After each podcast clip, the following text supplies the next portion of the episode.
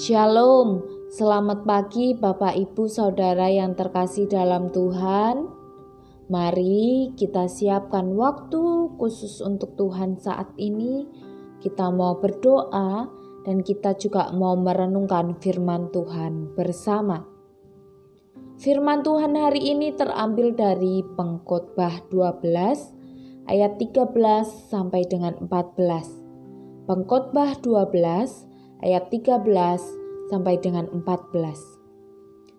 Akhir kata dari segala yang didengar ialah takutlah akan Allah dan berpeganglah pada perintah-perintahnya.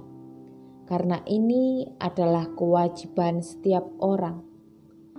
Karena Allah akan membawa setiap perbuatan ke pengadilan yang berlaku atas segala sesuatu yang tersembunyi, entah itu baik, entah itu jahat.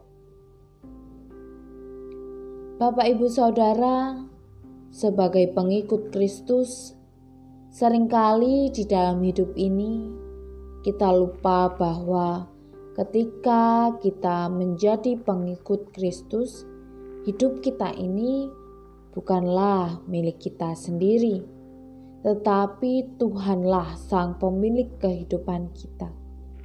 Tuhanlah yang memiliki, atau dengan kata lain, Tuhanlah yang menjadi pemilik atas hidup kita. Kita hanyalah menjadi orang yang dipercayakan untuk mengelola kehidupan ini. Bapak, ibu, saudara, sering kali kita lupa dan kita lalai akan apa yang harus kita lakukan ketika kita sudah hidup di dalam Kristus.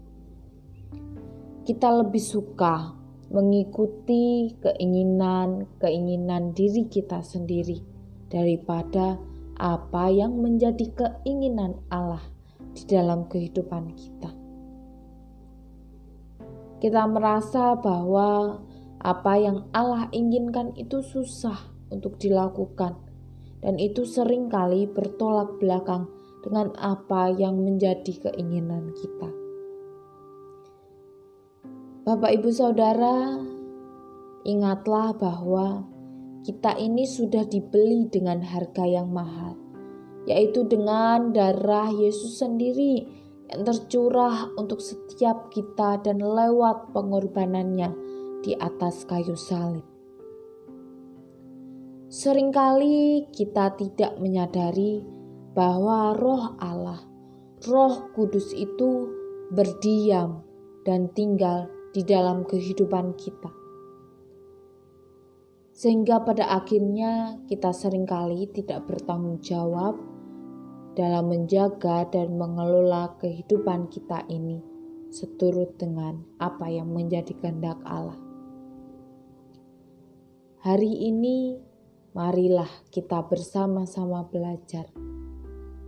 Ketika kita sudah hidup di dalam Kristus, ketika kita sudah menjadi pengikut Kristus, bukanlah diri kita lagi yang kita ikuti, tetapi Kristus yang kita ikuti itulah yang selalu menjadi pemimpin kita.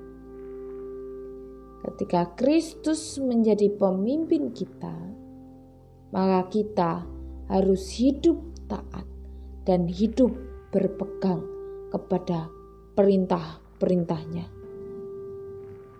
Mari kita ingat lagi bahwa suatu saat nanti setiap apa yang kita lakukan dengan hidup kita, dengan tubuh kita, dan dengan setiap apa yang kita pikirkan, kita katakan, kita lakukan, itu kita pertanggungjawabkan di hadapan Tuhan.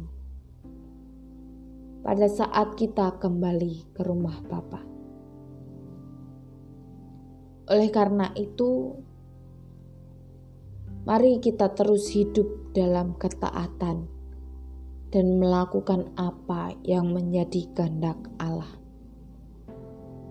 Hidup kita bukanlah milik kita sendiri, tetapi kita adalah milik dan kepunyaan Allah. Amin. Tuhan memberkati kita semua.